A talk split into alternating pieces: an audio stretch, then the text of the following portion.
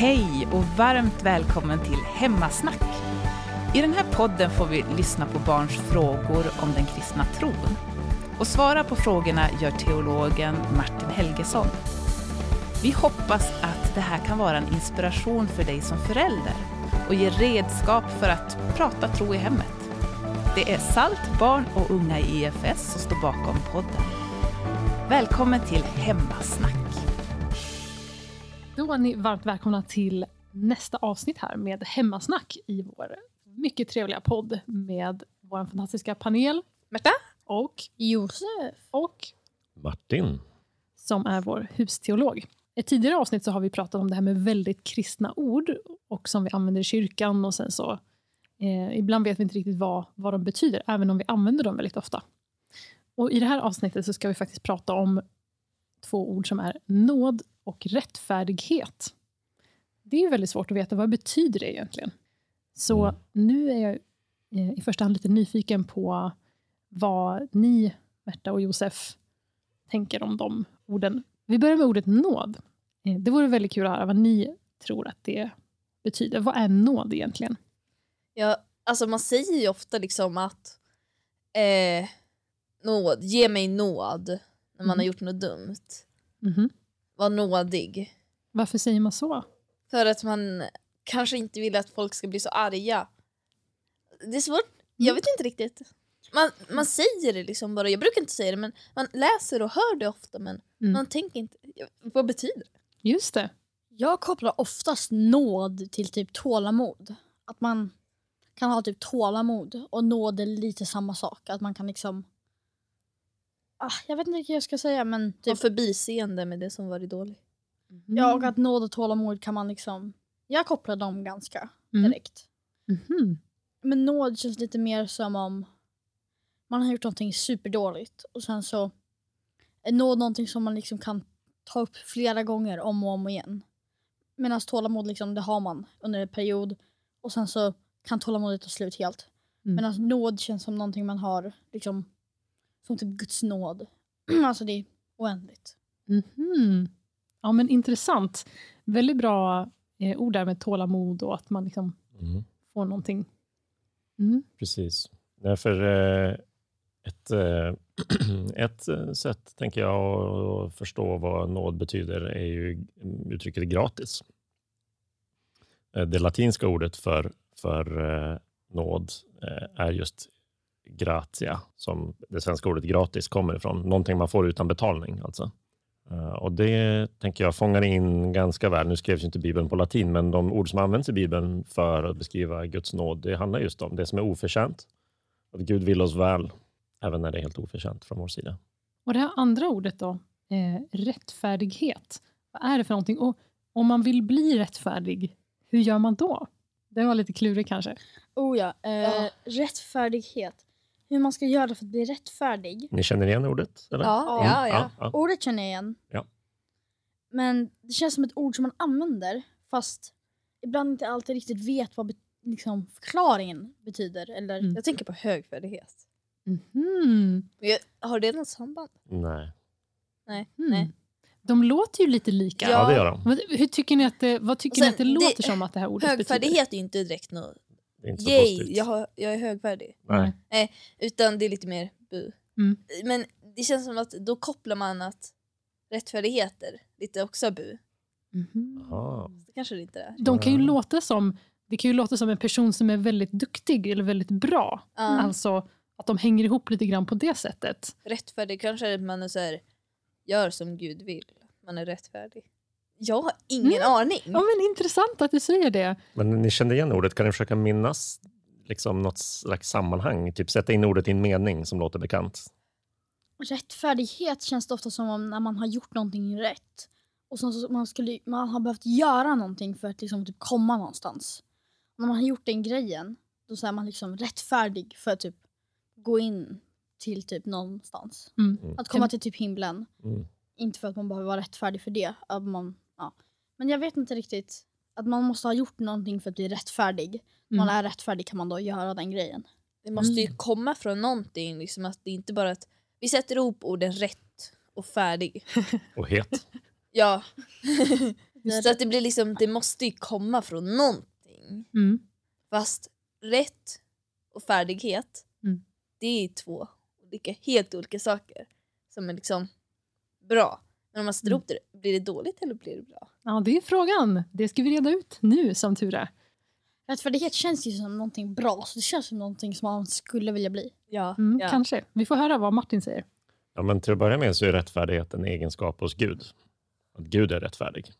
Så det är det bästa stället att börja på. Inte fundera på hur man själv kan vara det eller så, utan det är en egenskap hos Gud och det betyder att Gud är rakt igenom rättvis och god. Eh, Och tydligen så tror man att eh, det hebreiska ordet, det vanligaste hebreiska ordet för det kommer från eh, ordet liksom som betyder rak. Eh, och man kan tänka efter så här att, att Gud är liksom, Gud håller sin linje.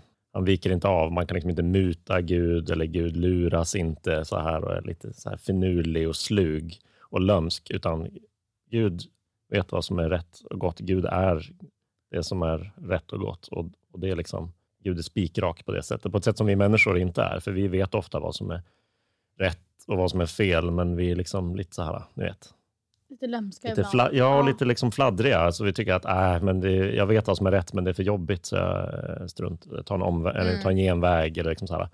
Men Det som är fel är ofta lättare att göra ibland. ibland kan det kännas så och då tar man liksom genvägar. Eh, Det är som att det är rätt att plugga till ett prov. Det är fel att inte plugga men det är lättare att inte plugga än att plugga. precis. Mm. Ja, men så, så det är väl början till det hela helt enkelt. Att Gud är rättfärdig, det betyder att Gud är god och rättvis. Kan man säga att han är moraliskt perfekt? Ja. Just det. det låter ju väldigt jobbigt att försöka bli. Mm. Moraliskt perfekt. Ja, man aldrig gör något fel, man gör aldrig något dumt eller gör illa, eh, gör någon illa eller så. Men det är så det ska vara. Ja, just det. Så det är ju, man vill ju ändå försöka bli rättfärdig. Ja. Ja. Men tror ni att man kan bara eh, verkligen, verkligen anstränga sig och, och göra sitt allra, allra bästa och försöka bli liksom en bra människa? Och, eh, så, kan, så kanske man till slut kan bli rättfärdig. Vad tror ni om det? Nej, jag tror inte att någon människa kommer någonsin kunna bli rättfärdig förutom typ Mm. Jesus. Då, om man försöker för mycket då blir det fel. Då slår man knut på det hela. Ja, just det. Det kan bli väldigt jobbigt. Man kan få lite kramp. Ja, men Ja. Om man försöker och försöker och försöker. Mm. Ett tag kanske det håller. Mm. Men det, nu tar jag exempel med att plugga igen. Man pluggar och pluggar och pluggar och får rätt på alla prov. För att man pluggar så mycket. Men till slut blir man för trött så att man orkar inte man orkar inte plugga, man orkar inte arbeta i skolan och vara duktig längre. Mm. För att man har slagit sig knut på sig själv för att man har ansträngt sig och försökt vara duktig. Mm. Det är svårt. Det är det jag tänker kan hända om man försöker för mycket vara rättfärdig. Det, här är intressant, för du, du kopplade ihop orden rättfärdig och högfärdig innan, Märta. Ja. Eh, och det ligger faktiskt någonting i det där. Alltså, för oss människor, om vi gör allt vi kan för att göra det som är rätt, så även om vi, om, om, om vi liksom lyckas på nästan alla andra sätt, så brukar vi i så fall åtminstone misslyckas med att då börjar vi plötsligt se ner på andra Mm. och döma andra. Det finns liksom, vill man, vill man försöka göra det som är rätt hela tiden så brukar hända, en av två saker hända, eller ibland båda kanske, men, eh, men en av två saker. Antingen så ger man upp och känner det hopplöst, jag klarar det inte, eller så tycker man, eh, jag är en rätt bra person. Jag är åtminstone mycket bättre än... eh, Och så, Den där och den där och den där. Exakt. Så att bli rättfärdig, liksom inte bara på ytan, utan ända hela vägen in. Att vara god utan att dessutom vara högfärdig. Oerhört svårt. Hej! Du lyssnar på Hemmasnack och det är vi som är med i den här podden. Du har säkert också en massa frågor och de kan du mejla in så vi har ännu mer att snacka om. Skicka dem till hemmasnack.efs.nu. Och nu fortsätter vi avsnittet.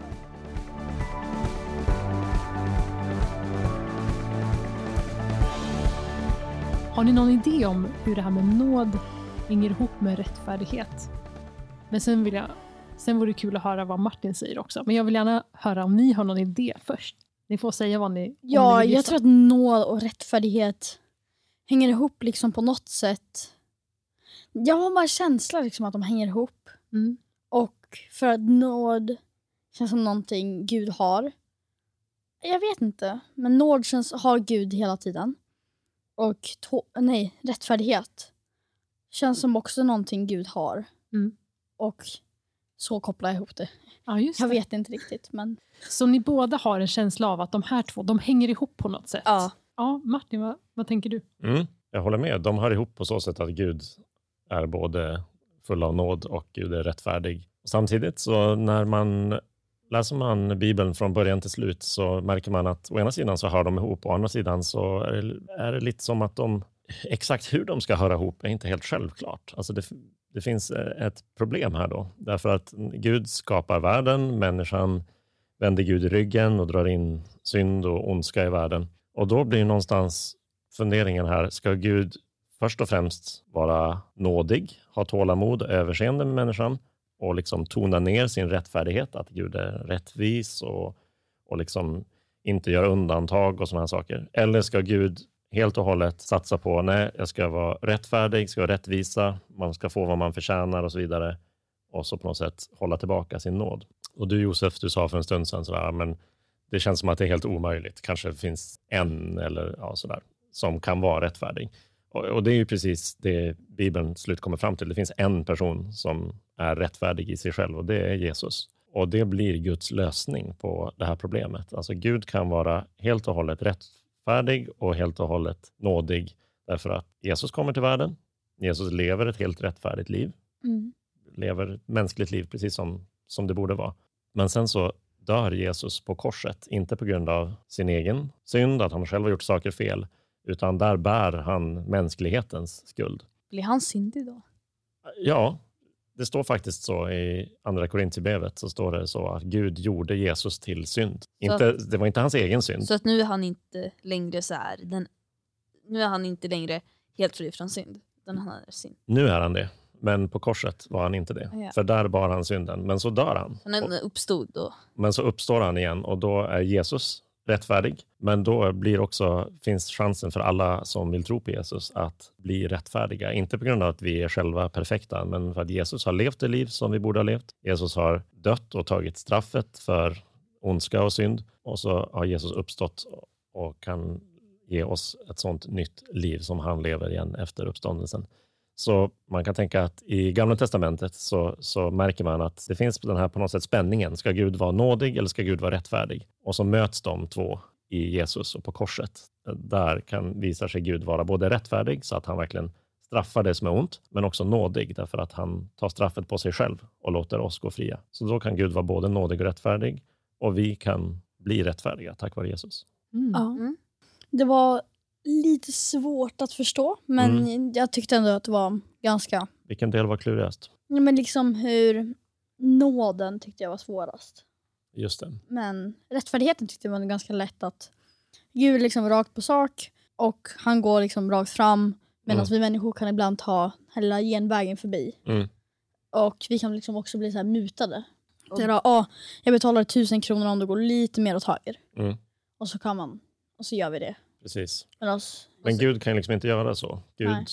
Gud är liksom domare över hela skapelsen på något sätt. Hela skapelsen är hans, så det vore förfärligt. Tänk bara hur det skulle vara i en svensk domstol om domaren säger äh, vi drar ett streck över det den här gången. Ja. Det skulle vara förfärligt. Liksom. Eller om någon har mutat en domare. Gud som är domare över hela universum får bara inte göra så. Han kan liksom inte låtsas som att det onda inte har hänt. Mm. Men genom att Gud istället väljer att kliva in i rollen som människa Jesus och ta straffet själv så kan han ge nåd till oss. Han använder, vi använder ju liksom, om vi ska eh, skifta höjden på sadeln på en cykel, Mm. då, då använder vi en skiftnyckel eller Ja. något sånt. Jesus är liksom Guds skiftnyckel. Vilken intressant bild. Hur menar du? Ehm, att det är liksom som en förlängd hand. Ah, du menar så. Ja, ja, ja. Ja, det kan man tänka. Ja, Ja, men Jesus kommer ju in det- i... eftersom Gud, han, eftersom vi inte kan se honom, då behöver han komma ner som en människa. Precis. Och han behöver komma in i vår roll och göra Ja. det som vi har misslyckats med som människor. Det här med nåd, vad var det som du tänkte, det är lite klu, vad är det som känns lite klurigt med det? För det är men ibland är det lite svårt att bara förstå att liksom typ vad vi än gör så har Gud liksom fortfarande nåd med oss. Just det. Att han kan fortfarande förlåta oss även om vi har gjort liksom hemska grejer. Mm. Det är svårt att bara förstå att, att han bara kan förlåta oss och bara ja, jag förstår och sen så förlåter han oss. Liksom. Det kan vara svårt att ta in Ja, och känna det. Mm. Mm. det är svårt att liksom se det realistiskt. Liksom. Mm. Men det man kan tänka då är ju någonstans att Gud kan göra det just därför att Marie pratade om att man får en skuld när man gör det som är fel. Så, så står man i skuld. Eh, ungefär som om man hade tagit någonting från någon annan. Så står man i skuld och behöver betala tillbaka. Mm. I och med att Jesus dog på korset utan att själv ha gjort någonting fel, så har han betalat vår skuld. Och det vore inte schysst av Gud. Gud vore inte rättfärdig och rättvis om han tog betalt både av Jesus och sen försökte ta betalt av oss också. Ta betalt två gånger. Men därför att Jesus har gjort det så är det betalt och då, då är det inte liksom det är inte upp till om Gud har, bra, liksom, har en bra dag eller på bra humör och säga ah, okej okay då, låt gå för den här gången. Utan nej, men, Gud har redan fått betalning för all eventuell skuld mm. som vi kan hamna i genom Jesus. Um, men jag håller med om att det kan vara svårt att ta in det. det kan vara, ibland känner man sig kanske inte förlåten. Eller så. Ja, man känner sig liksom inte förlåten, men, fast man är förlåten. Ja. Fast det är svårt att förstå att nu är jag förlåten mm. för det här jag gjorde. Mm. Ja. Det hade ju varit väldigt konstigt om, om Gud hade förlåtit en genom att bara säga ah, det där som du gjorde, äh, det spelar inte så stor roll. Ja. Och så ser han mellan fingrarna och säger att ah, det, det gjorde inte så mycket. Nej. Då hade man ju blivit arg och sagt att Gud är inte rättvis. Han måste Ja. straffa det som någon har gjort fel. Mm. Fast ändå så är han rättvis på något sätt. Fast inte liksom straffar inte och liksom, jag vet inte riktigt. Precis, han ger ett straff, men han ger straffet till sin egen son istället. Ja, han ger straff, ja, det låter lite konstigt. Mm. Som om jag skulle straffa min egen son för vad någon annan son gjorde. Precis. Ja. Han, men här måste vi komma ihåg att det är, han, han tar straffet själv. Ja. Eh, precis. Det är liksom inte... Fadern gör ingenting mot sonen som sonen inte vill, utan det är Gud som bestämmer att jag ska lösa det här. Jag ska ta på mig straffet själv. Um, och han gör det i Jesus. Men det är inte så att Jesus är liksom ett offer för, för Guds orättvisa, utan Jesus visar upp Guds rättvisa istället. Varför blev det så att folk inte tyckte om honom? Vad var det som gjorde det? Var det Guds plan eller? Nu kommer in, in på ett helt annat Mm. ämne. Den där är ju knivig, men det som vi ser i Bibeln som verkligen gör människor upprörda eh, och som till slut leder till att de vill, vill avrätta Jesus, det verkar vara flera saker. Dels är det att Jesus både väldigt rakt ut vissa gånger och andra gånger mer, inte lika rakt ut, ändå liksom säger att han är Gud som har kommit till jorden. Och det retar upp människor jättemycket. Och det andra verkar vara ren och skär avundsjuka. Att människor tycker om Jesus och följer Jesus och lyssnar på Jesus. Eh, och eh, det tycker vissa av hans motståndare inte om. De står inte ut med att, att människor vill lyssna på honom istället för dem. Så Mm. därför vill de röja honom i vägen. Men som du säger så är det ju en del av Guds plan. Det är det som visar sig i efterhand. Liksom när vi kommer till mm, på långfredagen, när man läser vad som hände när Jesus dog, så märker man att eh, även Jesu lärjungar fattade inte riktigt vad som hände. De trodde att Nej. nu, nu går det här helt fel. Liksom. Jesus var inte Guds son som vi trodde. Men De blev så han, ledsna så att de glömde vad som stod ja, men, ja, men precis. testamentet. Det ser inte ut som att det går bra, om man säger så. Men när Jesus uppstår igen, då förstår man att okej, men även Jesu död var en del av Guds plan. Det är också lite svårt att förstå att någons död skulle vara del av planen. Men det var en bra fråga. Det är lite svårt att förstå Mm. att någons död är en del av planen. Nu har vi pratat om två väldigt kristna ord som vi använder och som är lite svåra att förstå sig på även när man har blivit vuxen. Nåd och rättfärdighet. Men om ni som lyssnar har lite funderingar kring andra ord som ni också tycker är lite kluriga så skicka in det och sen så kanske vi tar upp dem som ett eget avsnitt här i podden. Men för den här gången säger vi tack för att ni har lyssnat och tack panelen. Hej då! Hej då! Tack, hej då! Så roligt att du har lyssnat på Hemmasnack. Nu har även du som lyssnare möjlighet att ställa dina frågor till Martin. Maila gärna frågorna till hemmasnack snabel-a efs.nu. Det är